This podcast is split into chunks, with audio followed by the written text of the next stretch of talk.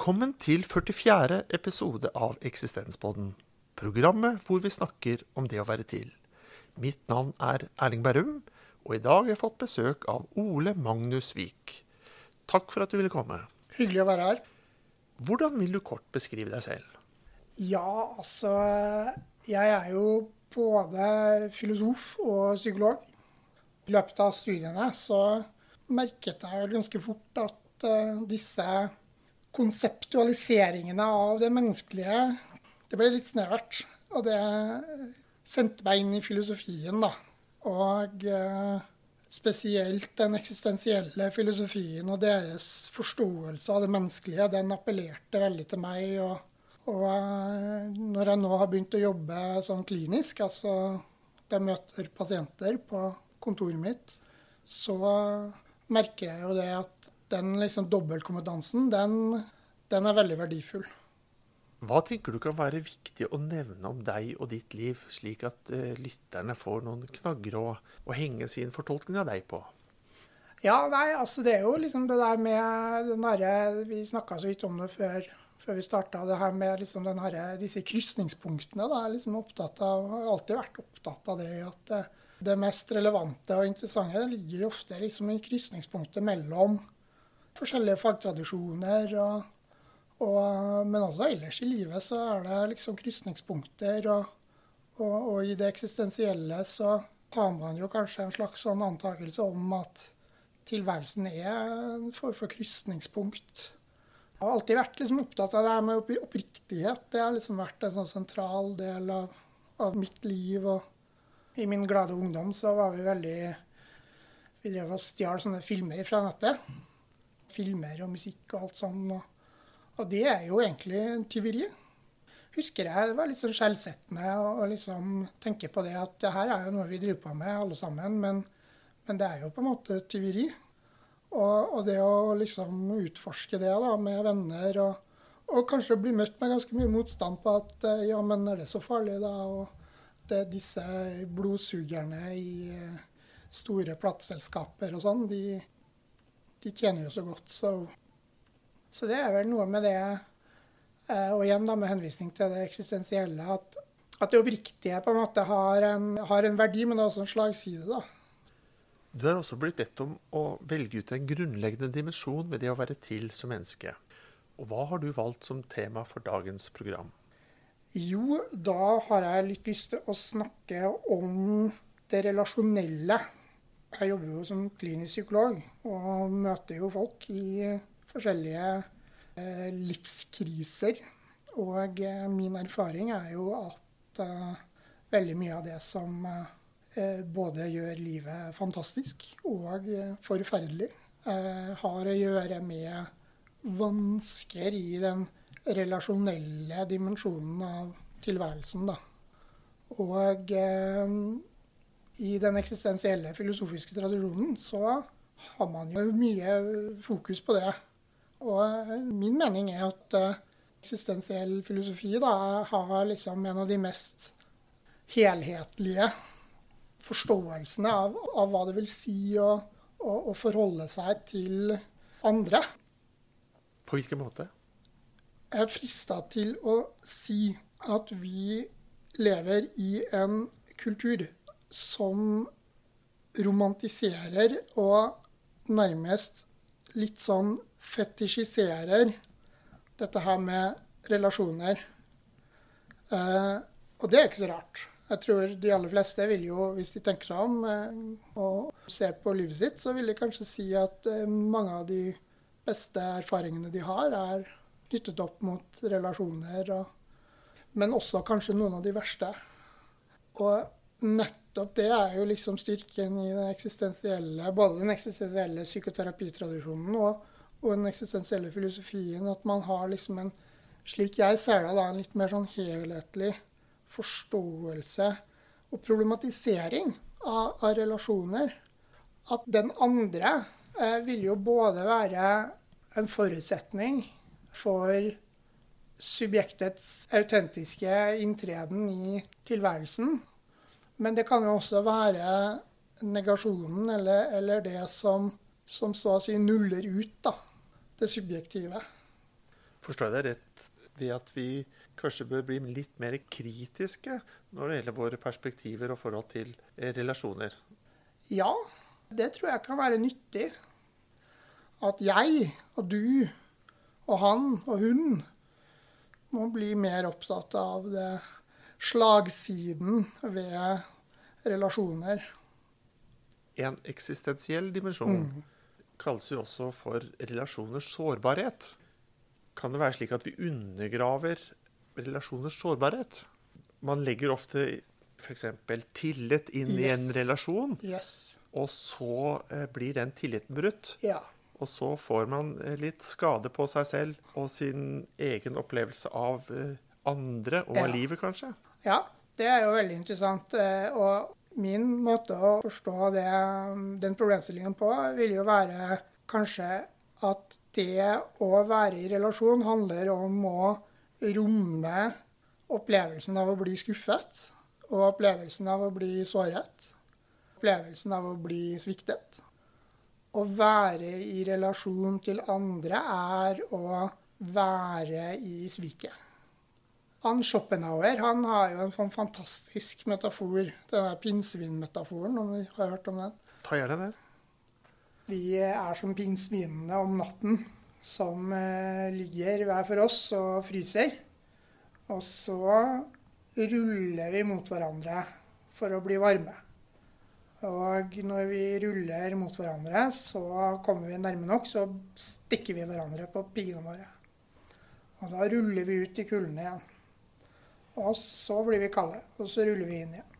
Og det er liksom den relasjonelle bevegelsen, da.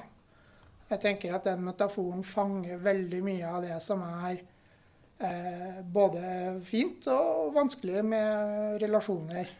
Litt sånn uavhengig av hvilken type relasjon, egentlig tenker at, Og det blir jo ofte liksom underliggende tema i psykoterapi. I hvert fall sånn eksistensiell psykoterapi. Så blir det jo da å utforske dette her med hva er det som står på spill?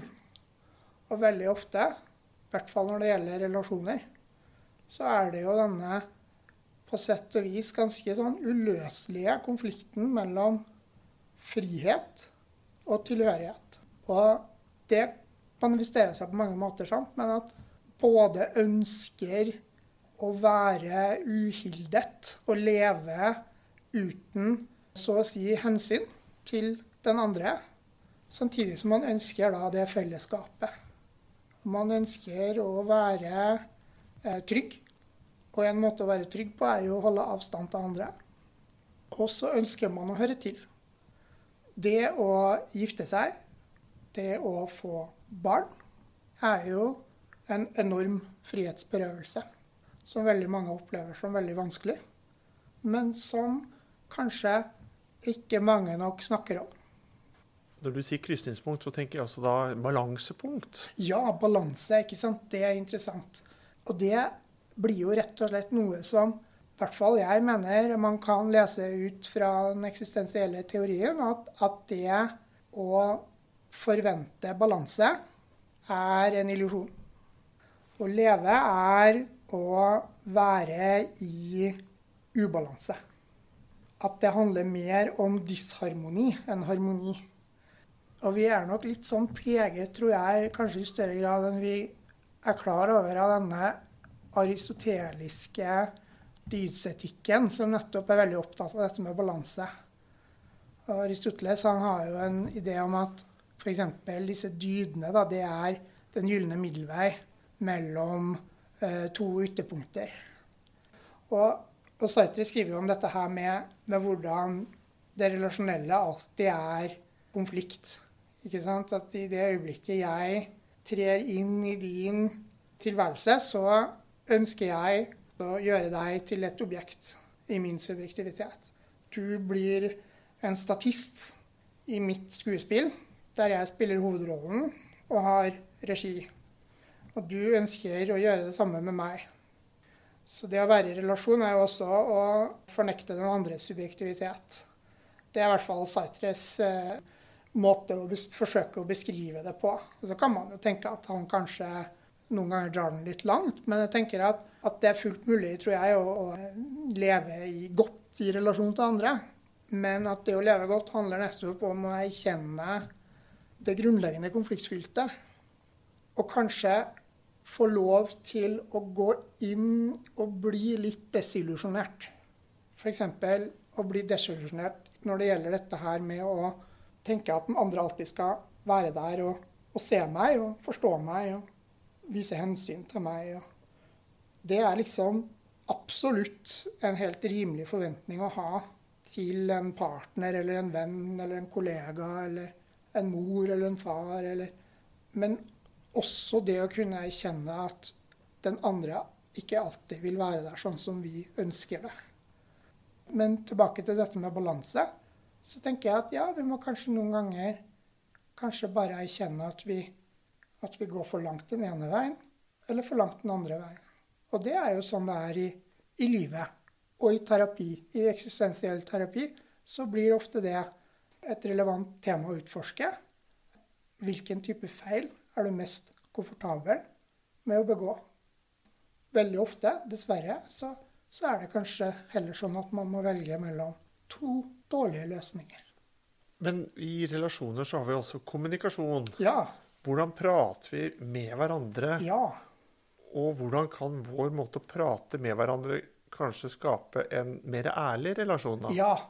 Det er jo det er vanskelige greier. altså. Det med kommunikasjon er jo det er et, eh, et lundefullt eh, farvann å manøvrere i. Og, og, og, mye av det handler jo om at vi veldig ofte krasjer med våre egne antakelser og forventninger. og Litt sånn ubevisst så, så, fortolker vi jo alltid i lys av vårt eget liv. Jeg pleier å si det at, at hvis, hvis folk hadde visst forskjellen på trøst og oppmuntring, og hvis folk hadde hatt litt mer romslighet inni seg til å stå sammen med den andre i det som er vondt, så hadde ikke jeg hatt noe jobb. Kan du redegjøre litt nærmere for den forskjellen mellom trøst og oppmuntring? Trøst er jo å bevege seg mot den andre med en åpenhet, en erkjennelse av at dette her som du opplever nå, det kan jeg se er vondt. Det er en validering. Trøst er 'jeg ser deg', og det gjør noe med meg.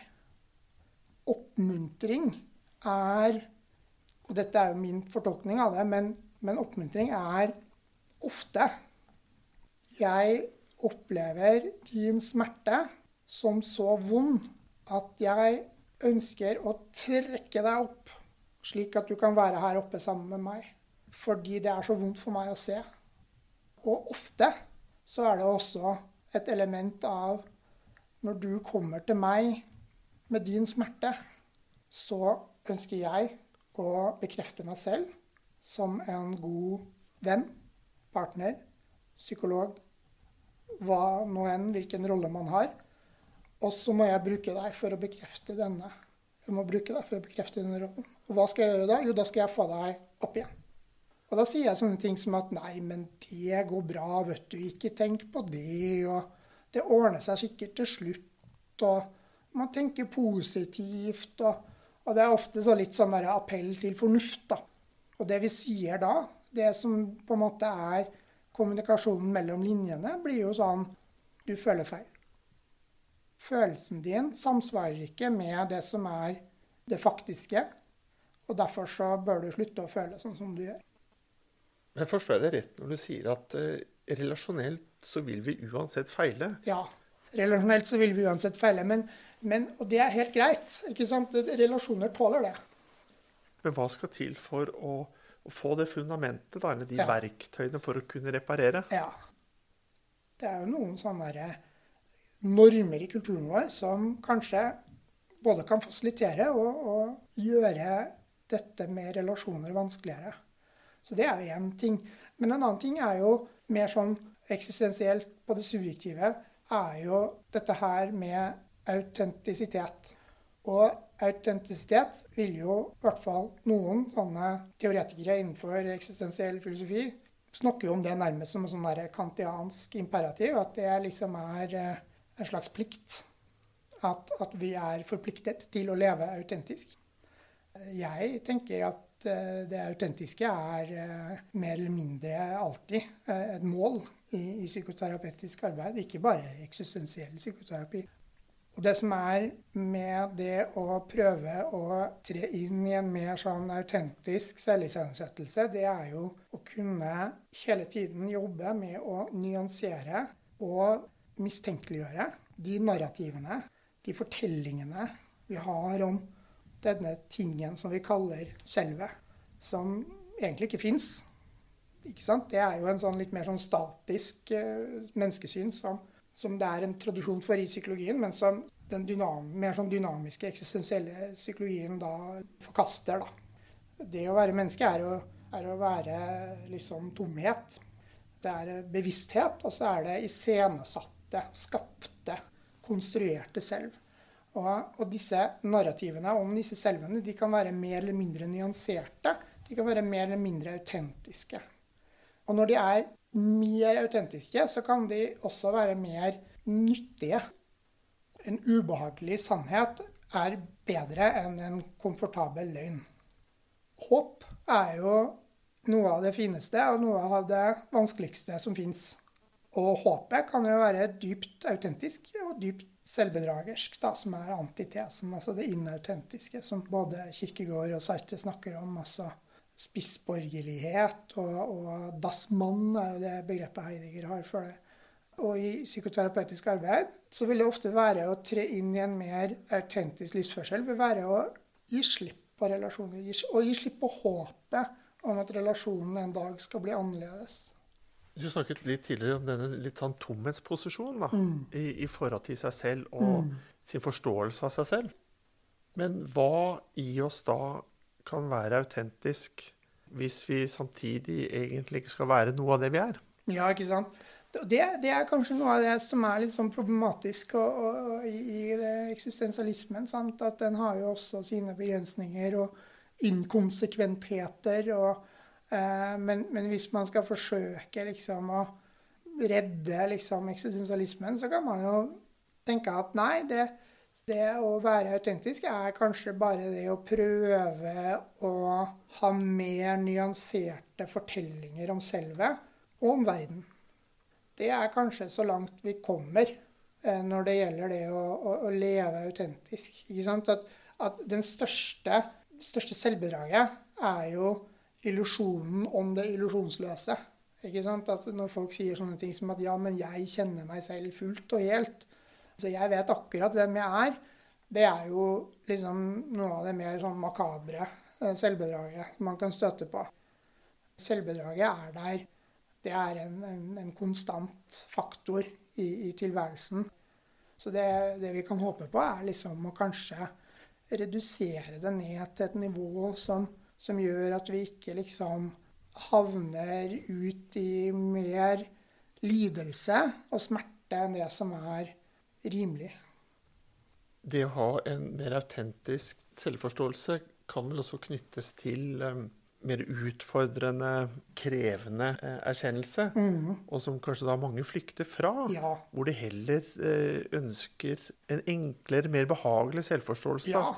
Og, og, inn i det konkrete. Sant? At vi konkretiserer. I, I, psykologien så har man jo dette begrepet personlighet, eh, som kanskje vi burde legge på skraphaugen og gå litt videre fra.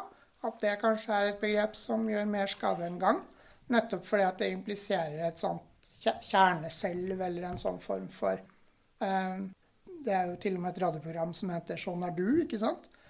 Så konkretiseringene, og de er, ligger jo rundt oss i kulturen hele tiden, de kan ofte opprettholde sånne bedragerske narrativer det, det, gir jo dette med personlighet det gir jo oss muligheten til å si ja, men jeg er jo sånn, jeg. Det vi til syvende og sist er, er jo ikke noe annet enn potensialer for inntreden i livet. Alt annet er jo rammer rundt. Og de, og de rammene, det er det, faktisitet, kaller vi det. Sant? Og det, det, ligger jo der som, som noe liksom fast. Vi kan ikke velge genene våre. Vi kan ikke velge den historiske epoken vi fødes inn i. Men det er liksom bare et utgangspunkt.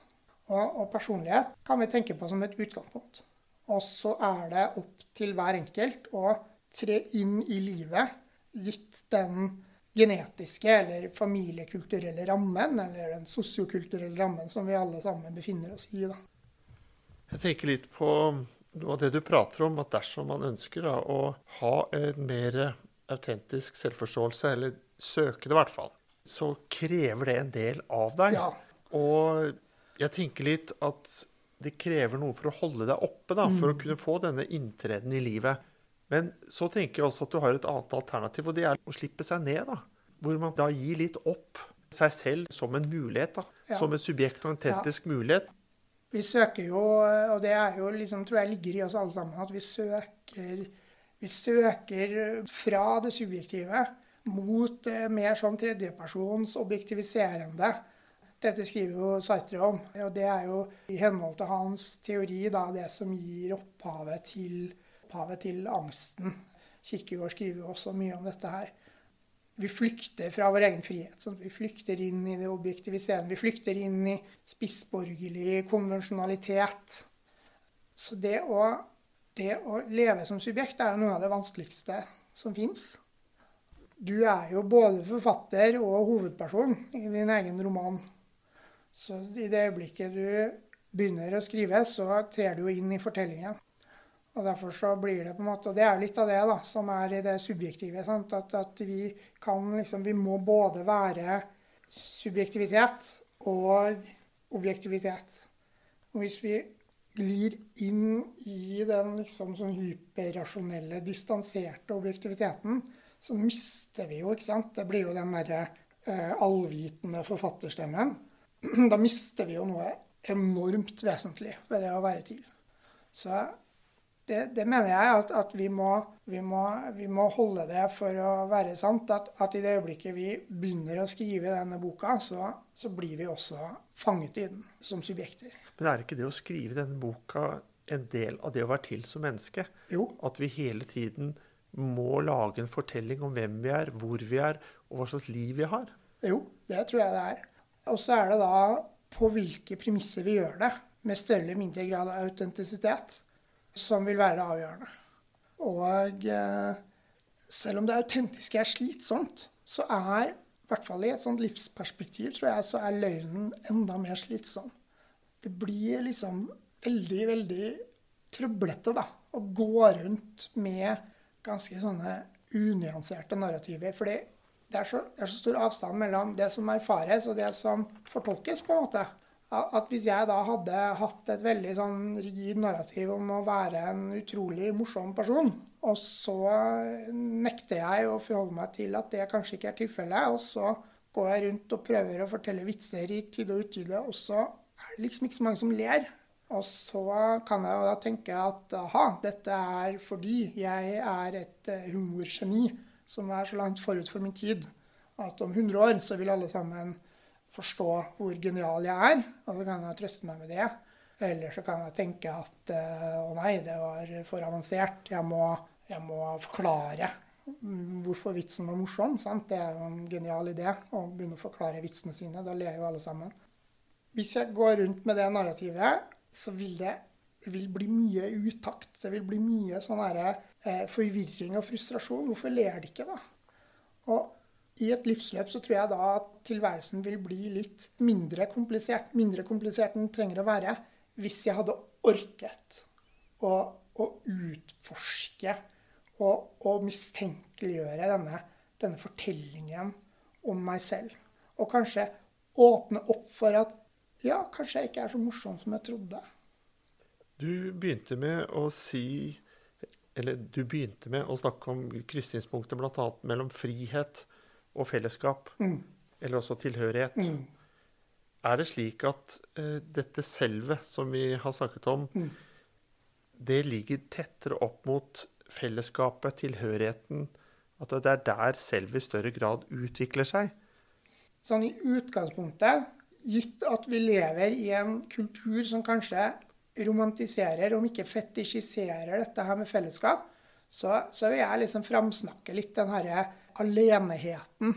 Eh, og, og, at det å kunne ha kapasitet for å stå alene Eksistens, det handler jo om å tre ut av noe. sant? Og tre ut også av liksom noen av de konvensjonene som vi omgis av. Det er kanskje helt avgjørende. Det er også noe ved det å få lov til å tre inn i det aleneheten som jeg tror er utrolig verdifullt. For vi kan, vi kan miste vår subjektivitet. Den andres blikk er både en forutsetning, men også en negasjon av det subjektive. Vil du si at eh, subjektiviteten i større grad tilhører et perspektiv som er utenfra inn på hvem man er, enn et perspektiv som er innenfra ut? Ja, det er nok kanskje riktigere, tror jeg, eh, sånn umiddelbart. Når du stiller det spørsmålet, så er jeg fristet til å si at det kanskje er mer det siste. Altså at det er inntreden i verden. Og det er jo liksom Heideggers store innsikt, kanskje, er jo nettopp det at han prøver å se eksistens som fundamentalt i verden. Altså at det ikke er et tredje perspektiv, ikke et utenfra-perspektiv, men at det er subjektet i verden. Så det er noe som starter og slutter med innsiden. sånn. Det er nok den mest rimelige forståelsen, tror jeg, av eh, gitt en sånn eksistensiell eh, ontologi. Men vil du kunne gjøre forskjell der mellom det å være i verden og det å være verden? Eller det å være i livet og det å være livet? Nei, det er ikke sikkert at vi kan gjøre forskjell på det. Det er ikke sikkert at vi kan eh, dele opp de kategoriene sånn. At det kanskje er, om ikke annet, om det, at det er to sider av samme sak. Det vil vel være så vidt jeg kan forstå, noe av Heideggers prosjekt, i hvert fall. Mm. Jeg tenkte litt også på den tomhetsposisjonen som Ja. du snakket om i stad. Du kan likevel være i verden, men du trenger ikke å være en del av verden. Nettopp at da, det, det følger jo logisk fra det at, at tomheten blir med som en nisse på lasset. Det følger jo logisk at uansett hvordan vi trer inn i verden, så vil den aldri fylle oss. Den vil aldri på en måte Det fins ikke noe le mot denne eh, vonde, frigjørende tomhetsfølelsen. Heldigvis og dessverre. Vi nærmer oss slutten på dagens samtale. Ja. Da pleier jeg også å spørre om du har noen råd Ja. til lytterne som har hørt på, og som gjerne kunne tenke seg å få enda mer autentisk selvforståelse. Hva vil Ja. du si til dem? Når man er ute i skogen og ikke vet hvor man er, så må man krysspeile. Da må man prøve å finne noen faste punkter i terrenget, og så kan man ta ut en kompasskurs og kanskje finne ut hvor man er. Og jeg mener at det er fire sånne punkter. Og det er fornuft, og det er følelser, og det er I mangel av et bedre ord så er det en eller annen form for moralsk kompass. Og det fjerde er den andre. Og når vi skal prøve å manøvrere i eh, liksom, disse stormfulle eksistensielle farvannene, så gjør vi oss selv en enorm bjørntjeneste hvis vi tillater oss å tenke at f.eks. magefølelsen eller rasjonaliteten er så god at jeg ikke trenger å lytte til de andre eller utforske de andre punktene eller, eller kreftene eller bevegelsene som er inni oss. Vi, vi vil nok ofte gå oss vill, men kanskje vi kan unngå noen bomturer hvis vi prøver å krysspeile, prøver å utforske både rasjonaliteten og verdiene og følelsene, og samtidig kanskje går til den andre i fortrolighet og utforsker hva, hva er det med meg som, som plager deg? Når var det sist jeg sa eller gjorde noe som provoserte deg, skuffet deg, eh, gjorde deg redd eller trist eller berørte deg på en måte som kanskje ikke var intensjonelt fra min side? Og så hvis vi med den informasjonen kan prøve å, å finne, finne ut hvordan det passer sammen med det andre, så kan vi begynne å, å jobbe med å, å nyansere narrativene våre. Og hvis vi oppdager da at det er veldig mye som, som krasjer inni oss, sant? at vi, vi i møte med fornuften krasjer veldig med følelsene, eller i møte med den andres blikk krasjer veldig med verdiene våre, ja, da, da trenger vi kanskje å, å nyansere. Da trenger vi kanskje å møte oss selv med, med mistenksomhet. Og gå inn og se på hvilke løgner er det jeg nå har begynt å fortelle om meg selv og verden. Hvordan skal man kunne klare å, å gjøre noen gode valg når man driver og krysspeiler disse fire dimensjonene mot hverandre? Det beste vi kan håpe på, er jo å, å kaste oss ut i forvirringen og, og kanskje velge på sviktende grunnlag og, og, feile og angre og sørge. Eh, men også håpe og tro. Hvem eller hva skal ligge til grunn for våre valg når vi har disse motkreftene mot hverandre? Hva, hva skal vi vektlegge mest? Hadde jeg visst svaret på det, så hadde jeg vært uhyre rik og berømt. Eh, og det er så kontekstuelt at det er nesten umulig å, å, å si noe sånn entydig om. Veldig mange romantiserer magefølelsen og sier eh, du må alltid følge den. Det er jo åpenbart illusorisk. Akkurat som at veldig mange andre romantiserer fornuften. Det er en mindre grad en romantisering av dette her med moral og, og indre moralske kompass. Så kanskje, kanskje jeg vil liksom benytte anledningen nå til å framsnakke den dimensjonen litt. Da, at det er, det er, liksom noe som folk kanskje i større grad overser. da. Det de aller fleste undervurderer tror jeg, litt hvor tydelig moralsk kompass de har. Men kanskje når de får tenkt seg om, hvert fall, så vil de oppdage at de har ganske mange tydelige, klare verdier som de da kan leve mer eller mindre i tråd med. Jeg ønsker også å stille et litt eh, personlig spørsmål til slutt. Ja. Hva tenker du om deg selv og din egen autentisitet, da? Ja, ikke sant? Hvor, er du i din, i din, ferd? Ja, nei, det er jo kanskje På en måte så er jeg en verste å spørre, men også den eneste å spørre om akkurat det spørsmålet. og det ville jo være fristende å si at jeg er jo selvfølgelig dypt autentisk og lever illusjonsløst, men det ville jo vært eh, løgnaktig. Så eh, det jeg kan si, er at jeg er kanskje over snittet opptatt av det. Ikke minst fordi jeg jobber med det og har liksom viet mye av min våkne tilværelse til å utforske disse spørsmålene. Men jeg vil vel tenke at eh, jeg er ca. like god og ca. like dårlig som, som gjennomsnittet, dessverre. Og, og ikke det er greit, da. Får jeg vel min dose med skuffelser og sorger og gleder og fortvilelser som, som alle, alle, andre. Det hadde vært litt kjedelig hvis, hvis jeg liksom skulle vært eh, ikke vært det forunt. Altså det, hvis jeg hadde liksom gjennomskuet alt, så hadde jeg jo kunnet surfe litt gjennom tilværelsen og kanskje gå glipp av den fantastiske, verdi, verdifulle erfaringen som ligger i det å, å sørge og bli skuffet og, bli fortvilet og, og, bli håpefull og, og bli desillusjonert. Da, da, går jeg liksom glipp av bevegelsen.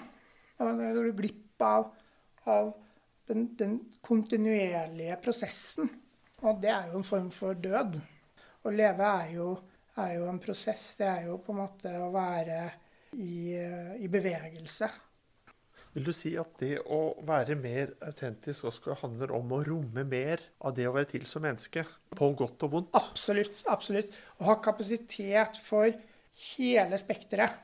Og dette er jo Nietzsche. Han har jo et begrepet om amor fati. Altså det å si ja til livet. ikke sant? Og si ja til kjærligheten. Og hvem, hvem vil vi ikke det? Men når vi sier ja til kjærligheten, så sier vi ja til hatet.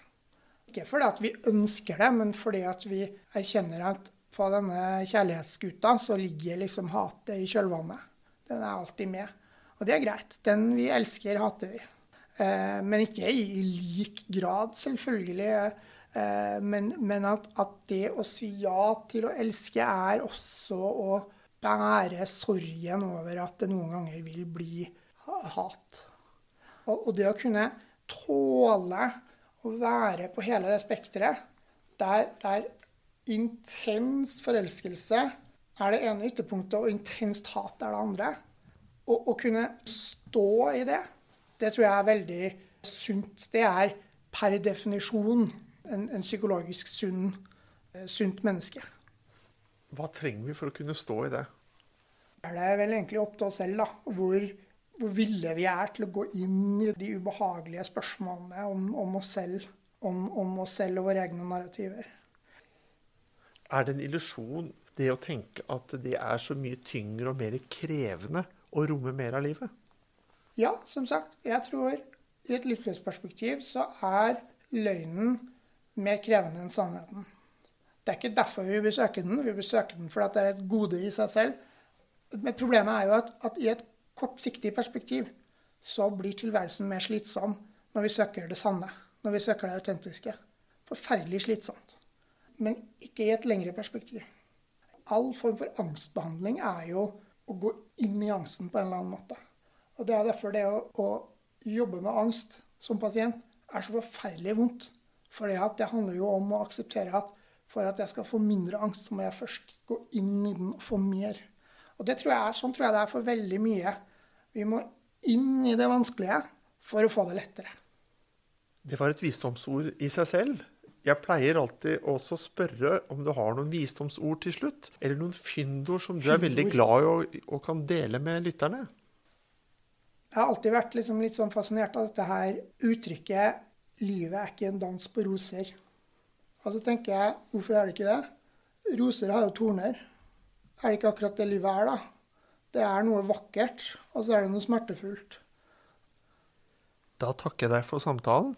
Takk også deg som lytter for å ha fulgt oss denne gang. Vi høres igjen, og inntil da, ha det bedre enn bra.